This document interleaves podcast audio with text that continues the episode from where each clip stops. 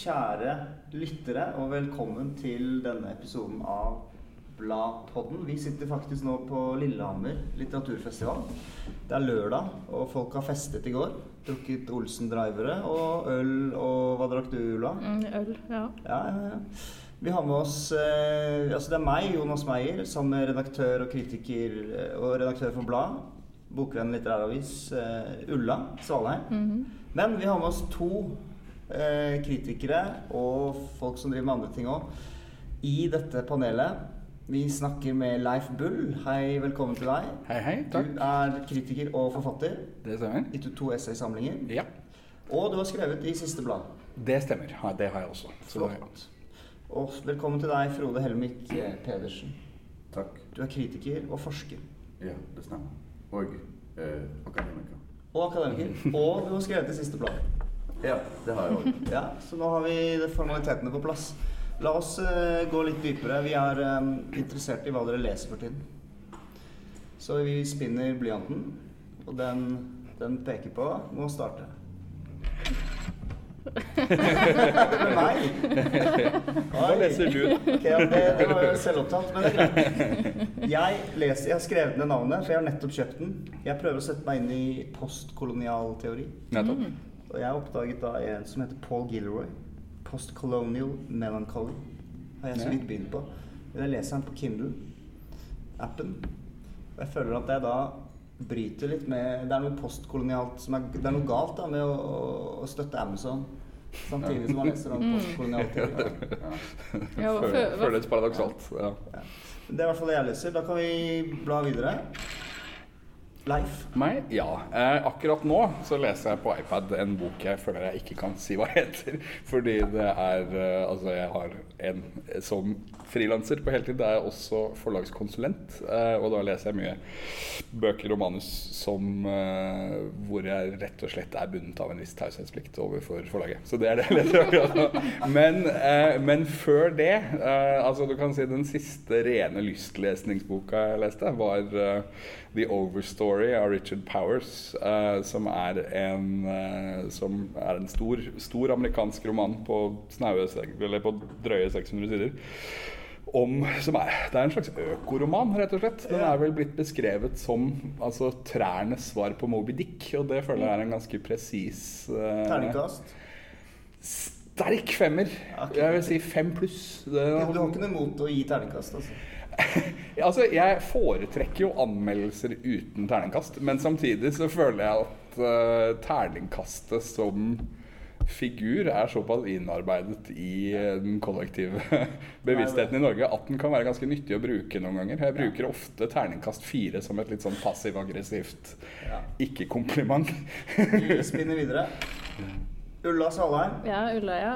ja jeg, den siste boka jeg leste ut det, Jeg leser faktisk ingenting nå, litt midt imellom, men det var en bok jeg skal skrive om til Vårt Land. Kristine Hovda 'Jeg lever ikke lenger selv'. Ja. Det er en memoar eh, om Altså, Kristine Hovda er vokst opp i, i nærheten av Sandnes. Og i en sånn veldig kristen, konservativ familie, men som sto utafor bedehusmiljøet. Var veldig skeptisk til organisert kristendom. Og det er veldig spennende. Totalt fremmed for meg, men uh, kanskje nettopp derfor spennende. Ja, Ikke nødvendigvis en veldig god bok, men uh, Det våger du å sitte her og skrive. Nei, men det er ja, er spennende å få innblikk i det. Ja, ja, ja. Men så kommer det et oppgjør med denne kristendommen til slutt, som jeg syns kunne vært bedre gjennomtenkt. Ja. Det var en klar ren dom. eh, Ja, jeg, jeg skal skrive denne anmeldelsen uh, innen mandag, så jeg har okay, tenkt litt nå. Midt oppi det. Ja. Fint. Og da er vi på siste her. Slipper vi å spinne. Da er det Frode. Ja. Eh, Jeg må jo bare kommentere til Leif at jeg, jeg, jeg tror jeg aldri har brukt så lang tid eh, på en roman som jeg leste Richard Powers tidligere. Tar sin tid. Det tar lang tid. Du har også lest den. Nei, det er tidligere bøker. Han er eh, to, er- tror jeg jeg har lest ja. Ja. Nei, det tar lang tid. Nei, Jeg skiller litt mellom eh, lystlesning og lesning i embets medfør. Nå har vi jo akkurat hatt kritisk kvartett, og vi har lest eh, ganske tett fire bøker. Men når jeg legger meg om kvelden, så leser jeg de som jeg har valgt ut selv. Og da leser jeg eh, nå Jonas Lie. Eh, Tremasteren Fremtiden fra, 1873 eller noe sånt. Du liker å skille mellom uh, lyst og embed, men Jonas Ja. Lie går i lyst. Ja, absolutt. Det er veldig trivelig. For mange går jo Jonas Lie i embed. Ja, men, eh, men det er ingen som leser Jonas Lie, må du huske. Nei, jeg har samlede verker i hyllen. Jeg har ikke åpnet det Nei, noe særlig. ingen Jeg har lest eh, 'Familien på Gilje'. Ja, familien på Gilje har noen lest. Var det på skolen? Døtre. Det var på forfatterstudiet i Bø. Ja. Ja. Under tvang. Ja, ikke sant. Det er, Nei, det er veldig trivelig lesning. Ja, så bra. Ja. Eh, Men er, kan, vi, kan vi ikke starte der? Er ikke Kielland bedre enn Lie? Ja, det er jo det jeg skal nå prøve å avgjøre. Jeg har ikke lest Li noe særlig selv. Nå skal jeg lese gjennom Li, og så skal jeg svare deg når jeg er ja, ferdig. fint. Ja. Gleder oss Sjelden til. er det flere som leser. Ja, ja. Nei, men godt. Eh, Temaet for dagens podkast er det samme som temaet var for eh, bladutgaven eh, som kom, femte utgaven, 2019, altså kritikk. Og et stort åpent spørsmål er jo eh, rett og slett hva er en god kritikk? Hva er en god anmeldelse? Eh, kan vi starte med å prøve å si noe om det? Mm. Skal jeg begynne? Ja, Jeg eh, gjerne det. Ehm, ja, nei, altså det er på en måte to ting jeg eh, liker. Eh, og det, det, det, det ene er vel at Um, altså En ting er at, at kritikeren er en, liksom en dyktig leser. altså At de på en måte at de ser ting. At de klarer å At de får øye på uh, mønstre. At de får øye på At de har et våkent blikk da, for det som rører seg i, i teksten. Både formmessig og innholdsmessig og, eh, og sånn. Eh, og kanskje også det at de i forlengelsen av det at de på en måte anmelder det som faktisk er skrevet, og ikke på en måte at de skriver en lang anmeldelse om på en måte den boka de skulle ønske at forfatteren hadde skrevet. Og det er sånn jeg syns kanskje ofte kan eh, At det ofte kan dukke opp i anmeldelser. Jeg, er helt sikkert, jeg har helt sikkert gjort det selv også, altså i, i mine egne anmeldelser. At det, måte, at det er noe som er med å farge kritikken. Ja. Eh, men så men også en annen ting som jeg er En annen ting jeg er veldig opptatt av, er altså jeg, altså jeg, jeg liker å kunne å se kritikerens personlighet i det jeg leser. Altså at det, er, det fremkommer at dette er et Her sitter det et lesende menneske eh, og vurderer med sine egne eh, Ja, så med, med sitt eget indre liv. At det ikke bare blir en ren For ellers så altså, Det jeg føler er en måte å holde kritikken vekk fra den rene forbrukerveiledningen, eller altså det rene sånn markedsføringsspråk eh, på. Da. Ja. Altså at du Bli kjent med den subjektive Ja, skriveren. ja, jeg, det krever vel mange, av mange tekster da, å bli kjent på den måten. Ja, ikke alltid. No, noen har jeg synes Det finnes absolutt noen kritikere som har en veldig markant personlighet egentlig fra altså, i alle tekstene deres. Men at det, selvfølgelig det, det bildet blir jo rikere jo mer du eksempler leser. i, fra norsk eh, Eh, Altså jeg vil si, for eksempel, altså Han er jo ikke litteraturkritiker, men også Martin Bjørnersen. Bjørnersen er vel Ja, ja. kanskje en av de kritikerne jeg leser med størst glede. Og han er jo som en jeg har lest siden Uh, altså Det er jo en del sånne kritikere som jeg på en måte først leste i Natt og Dag på 90-tallet. Sånn Audun Winger og Martin Bjørnsen annet, og hvor de og Bjørn Gabrielsen også, for så vidt. Og alle de har jo egentlig til felles dette. Fordi altså, Natt og Dag har jo på en måte alltid vært en arena hvor det dypt subjektive har kunnet ha hatt ganske gode Ja. betingelser. Ja. Uh, og, og, det er, og det føler jeg nå alle de, alle de, eller mange av de skribentene der har tatt med seg videre. Som, det, som da gjør at de fortsatt er kritikere jeg leser med veldig stor glede. Både Jab Gabrielsen og Winger. Og, Så du trekker fram eh, det subjektive og det å ta boken på sin egen eh, Hva kaller man det? Sine egne premisser, Sine egne premisser Ja, heter det. Ja. Ok, det er vel ikke noe man kanskje er uenig i nødvendigvis. Eh, Er det, deres, er det også deres eh, to kriterier, eller har dere andre? Altså, jeg liker at kritikeren er klar og tydelig, og at han eh, eller hun har vidd. Vidd? Ja, det er gøy. Bergensk vidd, eller? Nei, Et, et, et, verdens Hva skal man si Et verdensvidd. Ja? Ja. Ehm, og, og selvfølgelig Altså den, den klare dommen er nå én ting, men også klarhet i begrunnelsen. Hvorfor mener du dette? Uh, jeg syns det er ofte uh, uklare begrunnelser som Mm. gis i litt- litteraturkritikken. Så jeg setter pris Kan du prøve å gi et eksempel på en sånn uklar begrunnelse? Du trenger ikke å ta et konkret eksempel, men bare hvordan høres en sånn eh, uklar begrunnelse ut? eh? Altså, du, det, kan jo, det ene kan jo være at du fortaper deg i selve handlingen. da, At du bare liksom driver og snakker langt inn i boken Ja. hva som foregår der, og sånn, og så blir det litt uklart. Er dette egentlig er det, Taler dette for at det er en bra bok, eller taler det for at det er en dårlig bok? Og så er det jo den der litt mer sånn pretensiøse kritikeren som har vært en del av i, eh, både i Vagant og i Morgenbladet, som jeg òg selv har forsyndet med, med da. Eller som kan være greit, men den veldig sånn essayistiske kritikken som begynner sånn eh, Jeg har alltid tenkt på eh, når jeg ser eh, en, et, et, skip ligge ved havnen eh, at, eh? Så begynner de med et eller annet sånt som det der. Og så litt sånn erindringer, og så kommer, henter de liksom, skal de hente opp boken litt lenger nede og sånn. Ja. Noen sånne kan man ha i ny men ikke hele tiden.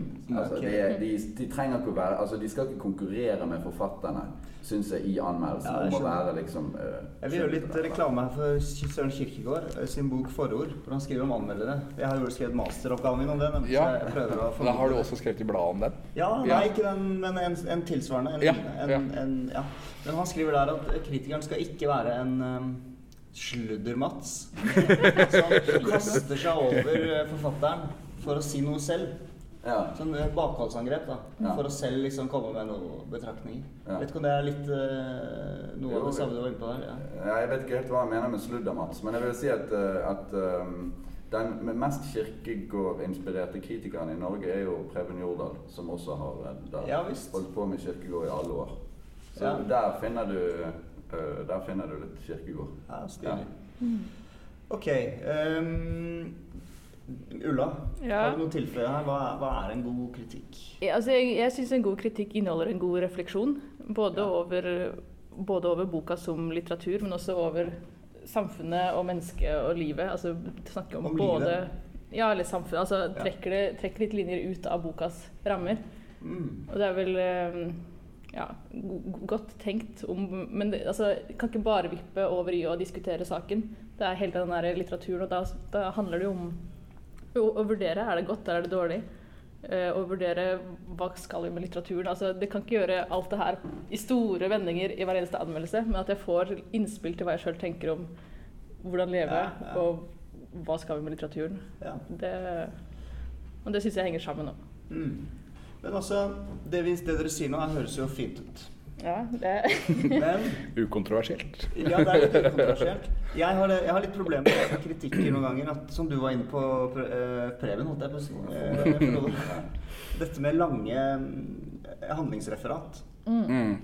Eh, og når jeg leser bakpå en bok, så hender det at jeg bare mister lysten til å lese boken. For da føler jeg ja, nå har jeg lest den. Ja, jeg det. Og det, det er en fare jeg har iblant, eh, som jeg ser med anmeldelser, at jeg, jeg sparer ofte anmeldelsen til etter jeg har lest boken. Mm. Uh, hva, hva foretrekker dere? Lese anmeldelsen først av en bok du har lest, eller skal lese den? Eller lese den ja, fordi at Hvis jeg leser anmeldelsen, så kan, står jeg i fare for å miste lysten til å lese boken. Fordi der er liksom boken jeg, Det er jo ikke sant. Jeg har ikke lest boken etter jeg har lest Mm. anmeldelsen, men det føles sånn. Mm. Ja, nei, Det varierer litt for min del. Det kommer litt an på forfatteren. Hvis jeg f.eks. skal lese Welbeck, så er det jo helt uunngåelig at du har lest Mm. boken mm. først. sant? Ja.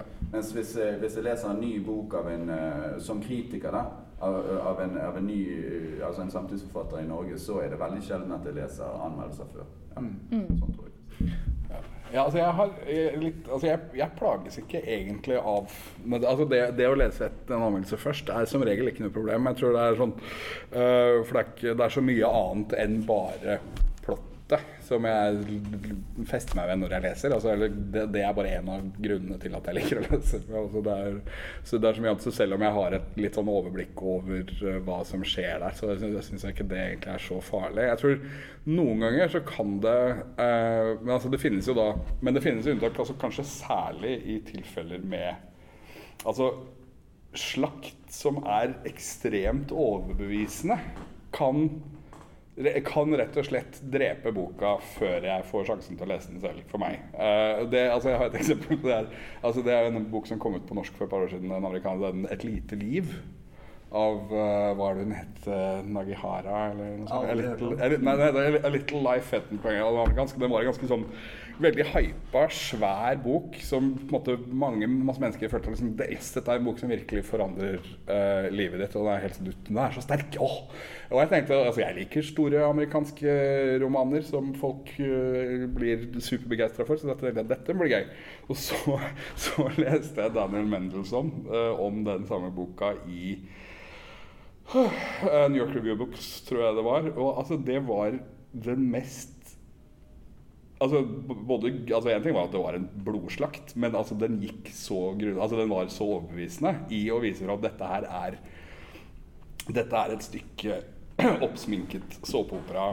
Altså dette er, dette er camp. Men altså, det er jo litt av grunnen til at du leser litteraturkritikk, er jo for å vite hva du skal lese. Så etter ja. har lest den slakten, så slipper du å lese den. Ja, ja. Det er jo veldig bra. Ja, sånn sett funka det. Men jeg tenker, for dette var jo en bok som faktisk har fått masse priser og veldig mye, mye gode kritikker ellers, og som mange seriøse lesere er veldig glad i. Men han klarte på et eller annet vis å bare peile inn på altså helt, sånn, helt tydelig fatale svakheter ved den boka. Altså, jeg at jeg kan, det er helt umulig for meg å ta denne boka på alvor etter dette her. Altså, den er, det, det ligger ikke noe igjen etterpå. Så det var sånn, ja ja, nei, men da, den er jo 700 sider lang, eller noe sånt, så da slipper jeg å lese den.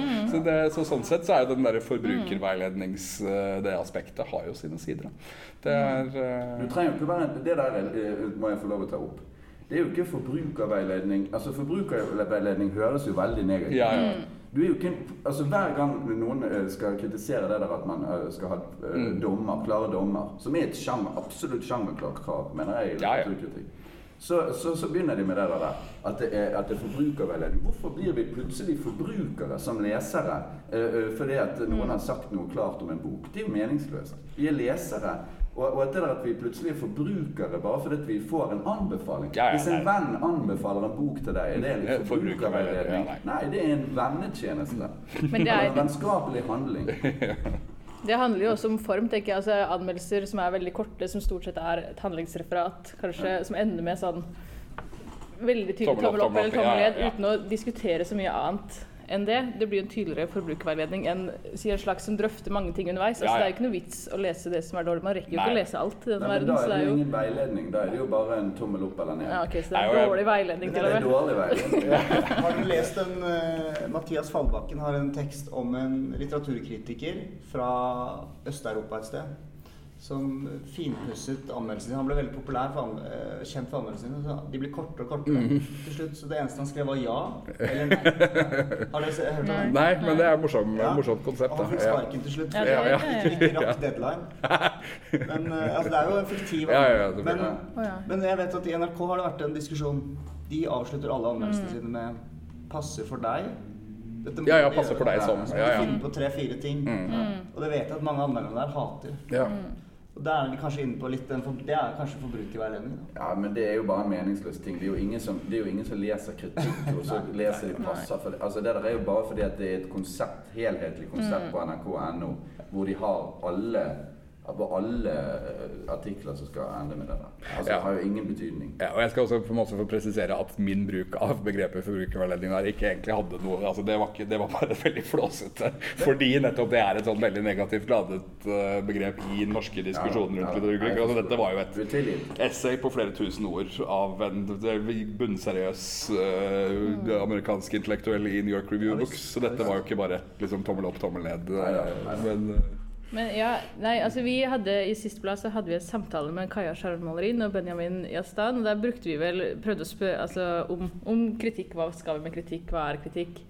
Og Da brukte vi ordet forbrukerveiledning og spurte om altså, Litt sånn for å få det til å si at det skal ikke være forbrukerveiledning. mm. Og altså, jeg kan skjønne at det, det er jo på en måte litt negativt å snakke om forbrukerveiledning på den måten, men hvis man kontrasterer det mot folk flest som ikke er kritikere, som snakker om, altså Når jeg møter folk og sier at jeg anmelder bøker, så tror folk at jeg, at jeg bare gir en tommel opp eller tommel ned og vurderer underholdningsaspektet i livet som ikke inngår i noe vesentlig.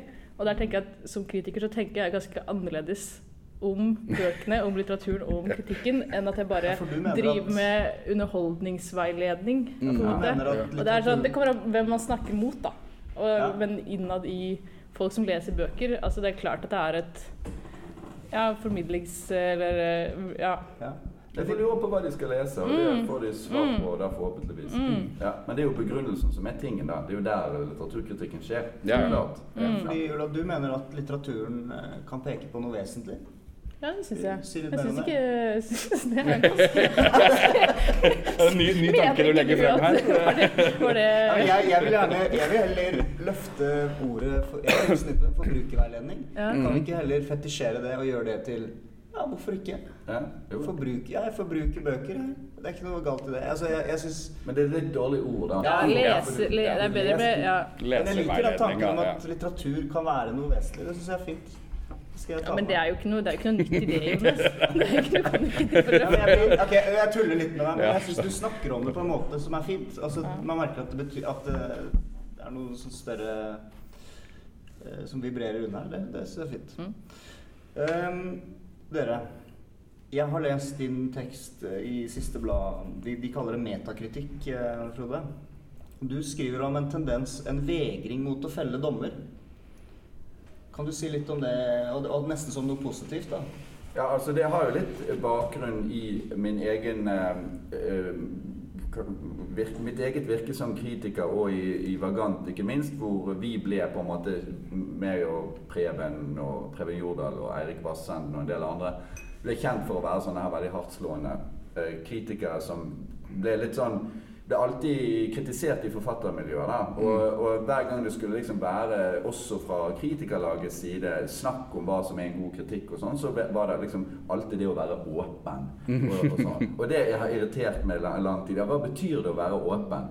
Det, hvis det å være åpen betyr at du kan se kvalitet på uventede steder, så er det en fin ting. Men hvis det å være åpen betyr at du også snakker litt positivt om dårlige bøker så det, For det er det det egentlig betyr, nemlig. Så er jeg imot det. Eh, eh, Du er imot å, uh, imot å snakke positivt om dårlige bøker, eller? Eh, Da er jeg imot den der eh, åpenhetskriteriet. Okay. da. eh, ja, for- At det er noe bra, liksom, i seg selv? Ja, det, det er litt, litt innholdsløst å si Ja. det at det er så bra å være åpent. Jeg syns det er bra å være klar og tydelig og ha en god dømmekraft. Ja. Ja. Ja. Men eh, dere skriver jo anmeldelser. Kjenner dere iblant på en vegring mot å felle dommer? Kanskje fordi man kjenner det er lite miljø og sånne ting? Eller bare det Du var jo veldig tydelig i åpningen her. Ja, ja, ja. Nei, altså eh, Jeg kjenner ikke på det i forhold til lite miljø. Nei. Jeg kjenner ikke så mange ennå at jeg syns det er veldig problematisk. Men eh, jeg har tenkt på at jeg, jeg syns det er vanskeligere Eller jeg er mer i tvil når jeg sier at en bok er god, Ja. enn når jeg sier at en bok er dårlig. Det er, lett, jeg, det er lettere også innenfor at nei, det her fant jeg masse feil. Men sånn, jeg er mer redd for å gi ros til en bok som ikke fortjener all den rosen. Det tror jeg det er et eh, mindretall som mener. Jeg vet ikke om Tror du det? Ja, vi snakket litt om dette her, og jeg, jeg skjønner veldig godt okay. hva du mener akkurat der. Fordi altså, og jeg tror, for jeg, jeg, at det, for det å gi ufortjent god, god, god kritikk, da, eller å gi masse ros til en bok som kanskje ved nærmere ettertanke ikke fortjener det, eller at historien viser at nei, denne her var ikke så god, da, det bærer i seg et, Ah. altså, en følelse av at man som kritiker er blitt lurt. En At du har latt deg forføre, eller at du har latt deg manipulere av for at forfatteren har rett og slett klart å finte deg ut på et eller annet vis. At du utøver kritiker- dårlig smak på et eller annet vis. Ja, ja, At at du har latt deg blende, har- da. At du har Mm. latt deg blende av effekter og er sånn. Og det er jo merket nettopp på en en sånn god kritiker. Han er redd, eller hun er redd for å rose eh, ufortjent mer enn å kritisere ufortjent. Det syns jeg var interessant. Er du enig i dette? Du, vil, du vegrer deg mer for å rose for mye enn å Eh, Nei, altså Jeg skjønner godt hva de snakker om. Det, å, det der å, å, å gå inn for en bok med finn og klem og si at dette er kjempebra, det er altfor få som gjør. Det bør, det bør de, for det, det som skjer, det er at man skriver ganske rosende, og så skriver man men det kunne vært litt sånn Noen skjønnhetsfeil her og Ja, der. For liksom å at dekke ja. seg som kritiker. Da Ja. mener jeg at det, er mi- det, det et eksempel med han der fiktive kritikeren som sier ja eller nei. Mm. Si før du skriver kritikken. Sier jeg ja, eller sier jeg nei? Hvis du sier ja, så ikke kom med sånn surt eh, Sur sånn lite tillegg.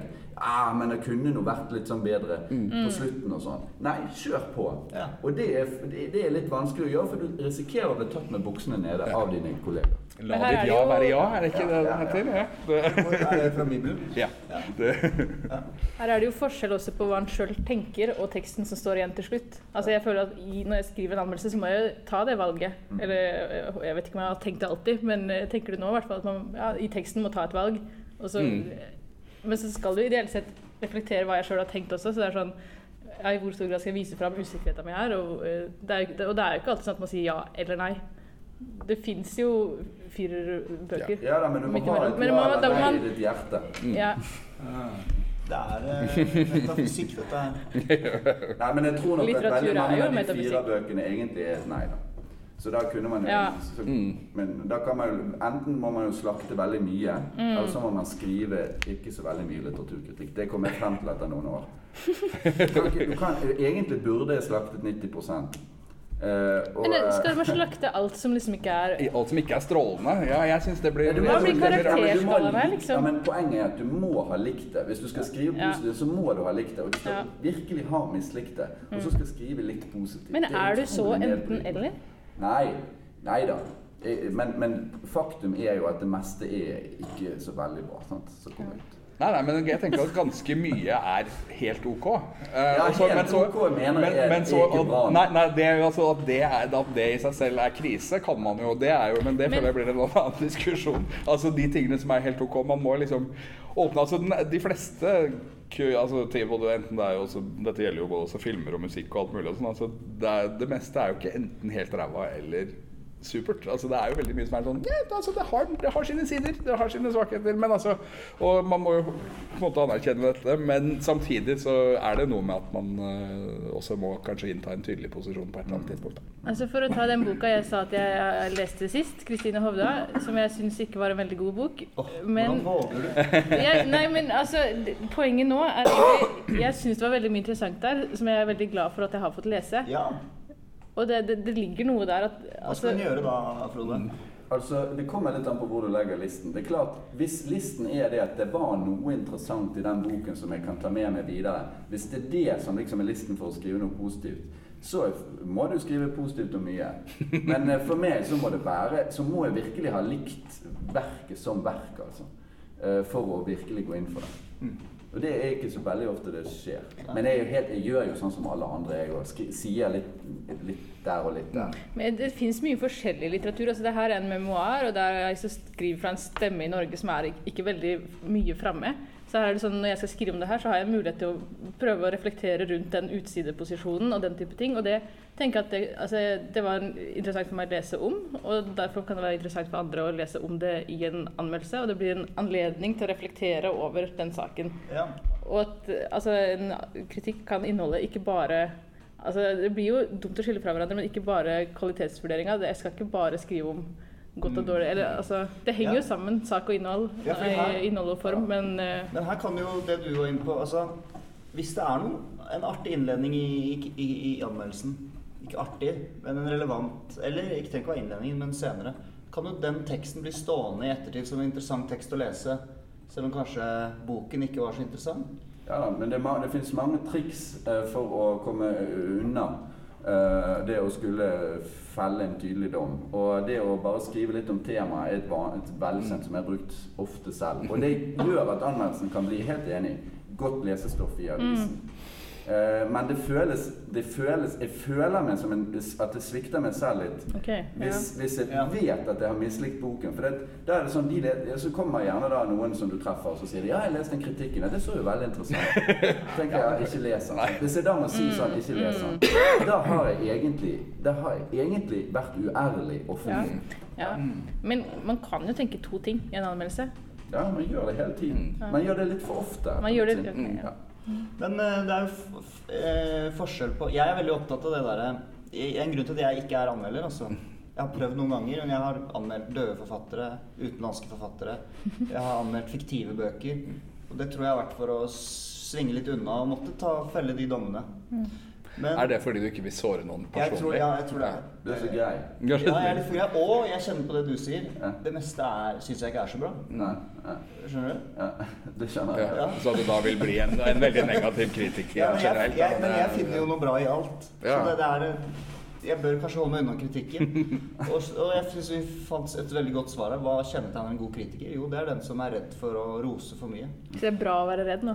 Ja, men, Nei, men det var ikke, det var ikke jeg enig i. Nei, du var ikke enig, men to Nei, av tre nei. kritikere er enig. Ja. Nei, jeg sier ikke at det er, at det er en god kritiker. Jeg snakker om Jeg sier det. Du sier Ok, ja. Ja. Ja, ja. Men jeg har lyst til å komme inn på det å eh, anmelde debutanter. Ja.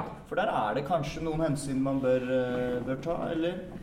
Jeg syns ikke man skal ta så veldig mange hensyn. Har, altså, nå har jeg jo I dette nummeret så har jeg anmeldt fire debutanter. Og, og, det er jo på en måte samlet sett en ganske lunken anmeldelse. Men det er jo nettopp en sånn anmeldelse hvor jeg syns alle bøkene har noe bra ved seg. Men de har også ganske store og alvorlige svakheter som gjør at de på en måte ikke hever seg over altså liksom, Den beste boka der var slett ikke verst, på en måte. Uh, og um, og jeg føler at, altså, og, Men det er, jo, det er jo ikke noe Ingen av de bøkene er jo blitt slaktet. Men allikevel så er det jo på en måte en og så nettopp, Det kommer jo da frem at siden jeg har lest alle disse fire bøkene på rad, så er liksom den reaksjonen å lese fire såpass liksom jevngode, halvgode bøker på rappen det har en litt sånn uh, mettende effekt. da, uh, og, og, som gjør at du tenker Men hvor, hvor, er liksom, hvor er de store de store høydene og de dype, dype dypene her. Altså, alt går litt sånn rundt. Ja.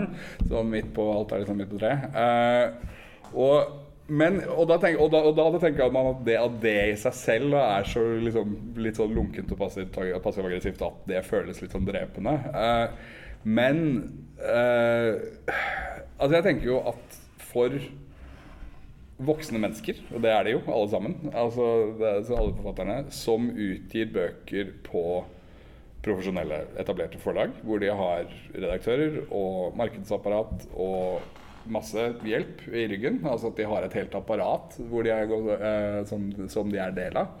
Eh, og nettopp, de kommer ut og de gir ut bøker i et kommersielt marked hvor en av hensiktene med å gi ut disse bøkene er å, at folk skal betale 379 kroner eller hva det er for dem for å lese dem. Da, om du da er debutant eller ikke, er ikke så relevant. Altså, dette er ikke skrevet av barn. Eh, det er ikke noen som er, det er ikke skrevet av altså en glad amatør som skriver en blogg for vennene sine, og så kommer jeg inn som kritiker og begynner å dælje løs på språkbruken. Liksom. Altså, det vil jo være veldig slemt og helt, helt unødvendig og helt upåkrevet. Altså, hvem mm. faen er du som kommer her og gjør dette her, liksom? Jeg prøver bare å fortelle om ferien min.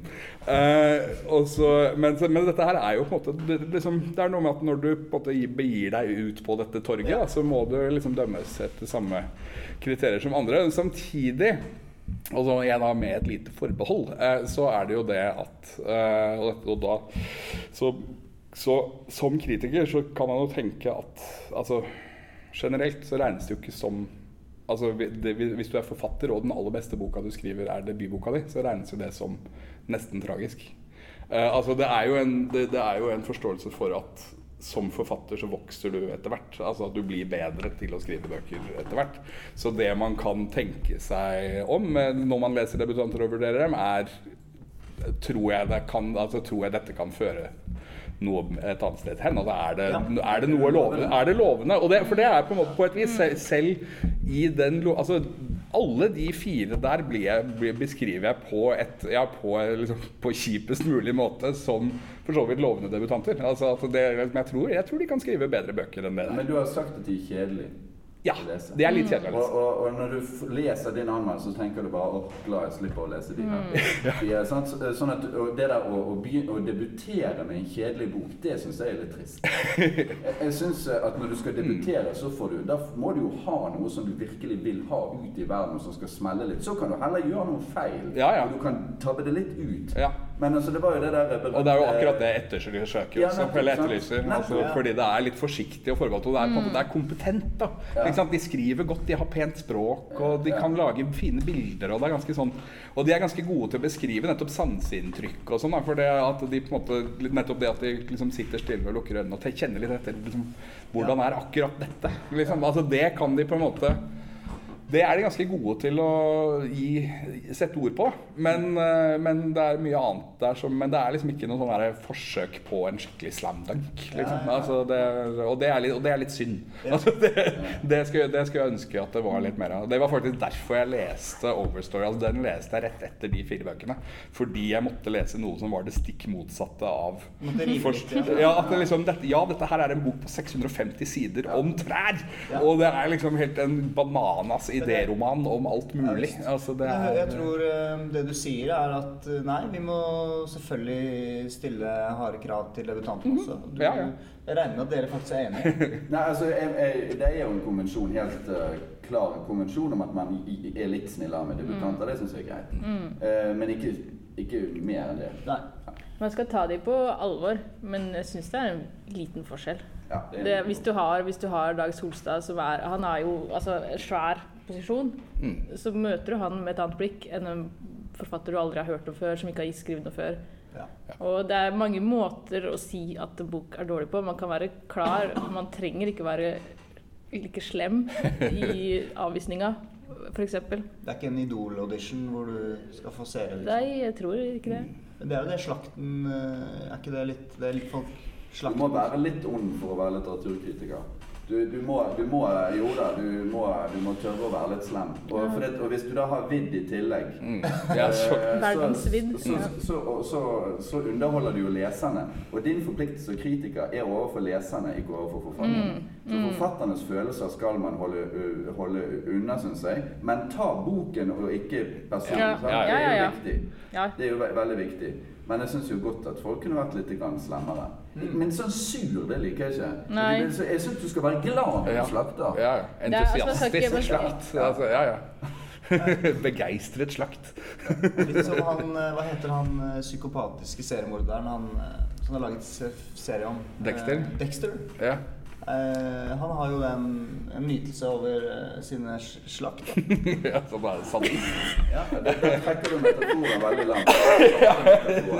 Å si negativ anmeldelse der, så vi skal slipper å blande inn seriemordere. Ja, ja, ja. Men jeg kan si Men- som så at det eneste anmeldelsen jeg virkelig angrer på, det var av en, en debutant som det. slaktet. Ja. Mm. Som aldri tror jeg skrev Jeg husker ikke hva hun het engang, men som jeg tror aldri Det ble med den ene boka. er Som sånn, fikk én anmeldelse. Og det var var deg. Øks. Det var Frode Helvik Pedersen. Løyet hele Kjenner du det iblant? At du får det stikket liksom Ja. i deg? Ja. ja. Jeg angrer faktisk litt på det. Var, det var slemt. Det var sånn ordentlig slemt. Ja. for altså, det er jo begrensa med plass til kritikken i avisene og andre medier nå for tida. Og hvorfor bruke den på en debutantslakt, på en måte? Ja, nei, Noen ganger, så, noen ganger så får man jo et oppdrag, skriv denne boka, og så Ja. blir det litt sånn. Men uh, ja. Ja, kanskje ikke slakte debutanter med så mye begeistring. Vent, du kan jo, det finnes jo nok av etablerte forfattere som skriver dårlige bøker. Ta en av de. Ja. Ja, for da blir også det spørsmålet om altså Hvis du har gitt ut ti bøker, da, så er det sånn Nå har denne her personen en god bok i seg om tre bøkers tid, kanskje? Det er jo liksom et irrelevant spørsmål. Jeg tenker at da, Når du liksom da er sånn oppe i 50-årene, og skrevet masse, da noe bedre enn det blir du sannsynligvis ikke. da Uh, og, Så da tenker man, så da kan man jo virkelig da, altså Hvis det da ikke Da strekker til, da kan man jo bare dra på. Det er, ja. Jeg syns også at de debutantene som hører på, eller de som snart skal debutere, syns jeg fikk et godt råd. Altså klin til Ja. når du er debutant. Det er da du har muligheten til å virkelig feile. Måk på. ja, ja, ja. Det er fint. Vi skal faktisk snart avslutte. Det er mange ting vi kunne snakket om. Eh, Men jeg har lyst til å avslutte med litteraturfestivalen i Lillehammer. Vi sitter jo nå i Banken, er det det det heter? Ja. Jeg har den årlige banknatten her. Og for to dager siden så publiserte festivalen en liste eh, over ti viktigste kritikerne i Norge de siste 200 årene. Det moderne gjennombruddet. Det Cirka moderne, ok. 1870. Cirka 1870. Så jeg tenkte å lese de navnene, og så har jeg et spørsmål til dere til slutt. Eh, Camilla Collett, Georg Brandes, Mathilde Schjøtt, Arne Garborg, Karl Nærup, Sigurd Hoel, Johan Borgen, Jan Erik Vold, Atle Kittang eller Kittang? Kittang. Kittang og Karin Moe. Ti viktigste kritikerne. Jeg var ikke på debatten, men det er bare tre kvinner. Er det nok? Ja, det er nok. Men det skulle vært, istedenfor Mathilde Kjøtt, så skulle du hatt Amalie Skram. Ja.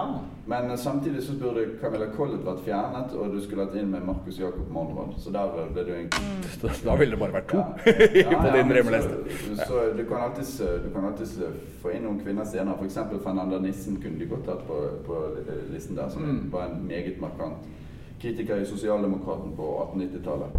Så det er ikke, akkurat det der med kjønnsfordeling ikke det som er problemet. Problemet er å velge de representative kritikerne, og der syns jeg de har tatt noen feil feil Ja. valg. Hvorfor tror du de har valgt Collett? Er det fordi hun er litt kjent eh, på hundrelappen eh, og sånne ting? Jeg tror ja, Nei, de, de, de ville jo ha eh, denne essayistiske Collett og trekke den frem, da. eh, som en, som en, en form for litteraturkritikk. Collett var jo ikke noen typisk dagsavisanmelder. Men, men altså, poenget er at på 1800-tallet, hvis du står liksom litt midt i 1800-tallet og skal se på den innflytelsesrike kritikeren, så er det Monrad. Han var professor på universitetet i Kristiania. Han, skrev, eh, estet, han leverte på en måte estetikken som alle forholdt seg til i mange mange år, og han skrev kjempegode anmeldelser i dagspressen. Ja. Så han må, han må du ha med. Er Overbevisende argumentasjon. Ja. Du har jo også nevnt noen uh, kritikere som ikke man sannsynligvis går glipp av, fordi de på en måte forsvinner litt i litteraturhistorien. Det er ikke så lett å, f å, å finne dem. Eh, du har nevnt Bredo for mynte av Morgenstjerne, f.eks. Ja. Aftenposten. Ja, og det, det der kommer litt ut av det faktum at jeg måtte grave frem uh, kritikker da jeg skulle skrive den boken om Bjørnson, som jeg, mm. jeg var veldig opptatt av mottagelsen. Og da fant jeg jo det, men da satt jeg og bladde igjennom dag etter dag sant, rundt disse utgivelsesdatoene og sjekket hvilke anmeldelser hva det kom i alle disse avisene. Og det er jo klart, det er ingen annen måte å finne de på. Men nå har jo Nasjonalbiblioteket lagt ut veldig mye digitalt. Altså Nå går det jo faktisk an å søke seg frem og sitte og forske på den måten som jeg bare for få år siden måtte gjøre på mikrofilm. Nå kan du jo gjøre det på nett. Eh, I veldig stor grad. Så du kan sitte der. Men da må du lære deg å lese gotisk skrift, og, så må du, og så må du sitte med det. da. Ja. Det er et prosjekt. Mm. For de fins ikke i noen bøker. Bredo von Munthe av Morgenstjernes forfatterskap fins ikke. Nei. Eh, Så litteraturkritiske forfatterskap fins ikke i bokform.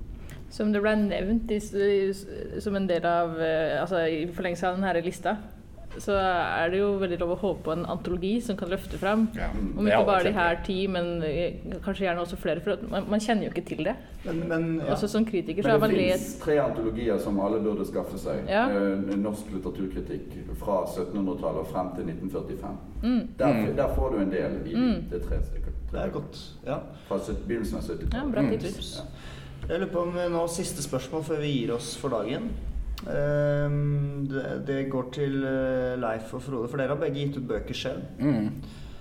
Du ga ut en bok, eh, neonskrift, eh, Leif. eh, Var det i 2017? Nei, 18. var nå i høst. 18. Mm. Litteratur, Natten og New York. Du fikk anmeldelse. Hvordan var det å bli anmeldt selv? Nei, det var en blandet opplevelse. Altså, eller det var en ganske For det var en, altså, litt, det var en litt sånn lunken anmeldelse, det også. Altså, så jeg, jeg har også Jeg vet også som forfatter hvordan det er å få en litt lunken anmeldelse. Så dette har jeg på en måte Så jeg har Ja. Så når jeg anmelder selv, så, ja, så, er det ikke, så er det ikke sånn at jeg overhodet ikke vet hvordan det føles. Og det er Altså, det var en eh, det, Nei, altså, det var det, måte, det kunne vært verre, det kunne vært bedre. Det er jo ingen som Altså, ingen forfattere vil jo egentlig ha noe som helst annet enn ros.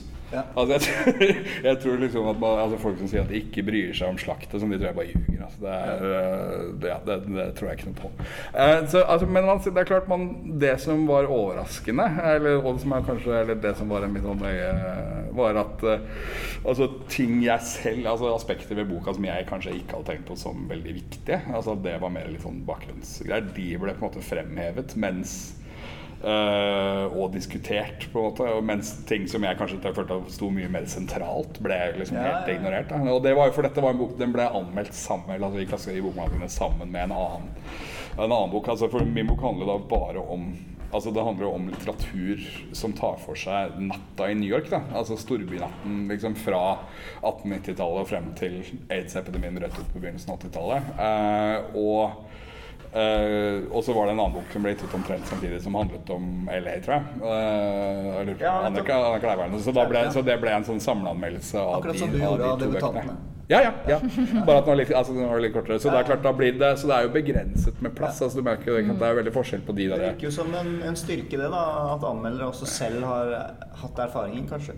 av det å bli anmeldt? Ja da. ja, ikke sant? Altså, jeg tror absolutt at det, en, at det kan være en grei opplevelse å gå gjennom. Fordi du, altså, for det er jo ikke sånn at du da tenker å nei, nå, nå kan jeg ikke si dette her, for jeg vil ikke være for slem. Men at du på en måte, at du i hvert fall har en slags bevissthet om at jo da, det sitter et annet menneske her, og liksom mammaen deres kommer til å lese det. altså, Frode, du ga ut bok om Bjørnsons samtidsdramaer. Ja. Riktig? Ja. Du ble anmeldt. Ja, i, men i, det var jo en vitenskapelig bok, da. Ja. Sånn at uh, Den kunne jo blitt anmeldt i f.eks. Morgenbladet og Klassekampen. Og jeg noterer meg at ingen av de anmeldte den. Så det kommer de til å få feigt igjen eh, senere. Nei, eh, men, men altså, jeg ble, jeg ble anmeldt i, eh, i noen tidsskrifter. Eh, og jeg fikk en veldig lang og kjempegod anmeldelse i Agora. Altså kjempegod i betydningen veldig intelligent og kompetent. Og den satte jeg enormt stor pris på. I Agora, Det var Petter Oslostad, som er professor Bjørnson kjenner. Ja visst. Så det var veldig bra. Og så fikk jeg en veldig fin uh, greie i Edda. Og det, så jeg fikk ikke noe slakta. Det var visst noe negativt i Norsk Shakespeare-tidsskrift, men jeg fant det aldri. Jeg fikk ikke lest den. Så det er mulig det var en negativ der, men jeg har ikke fått med meg ennå. Men det har jeg til gode. Ja. så lenge du ikke jeg har lest den. Det finnes den Men man husker på at vi som er akademikere, vi blir jo vurdert hele tiden på all slags greier. Mm. Og innstillinger, og de, de går gjennom hele din produksjon, og de kan være jævlig harde. Så vi er veldig vant til å få kritikk, men det er jo mye av den som ikke er offentlig, da, så det er jo noe litt annet. Ja, ja. All right. Dere, takk for en god prat om kritikk. Eh, Det, det jeg sitter igjen med nå og lurer litt på, er eh, hva er Kan vi prøve å definere vidd helt til slutt? Som du trakk fram som et element i god kritikk. Ja, altså Vidd springer ut av sinnets raskhet og er avhengig av en aforistisk eh, formuleringsvilje. Er det et sitat? Nei. Fant på noe. Flott.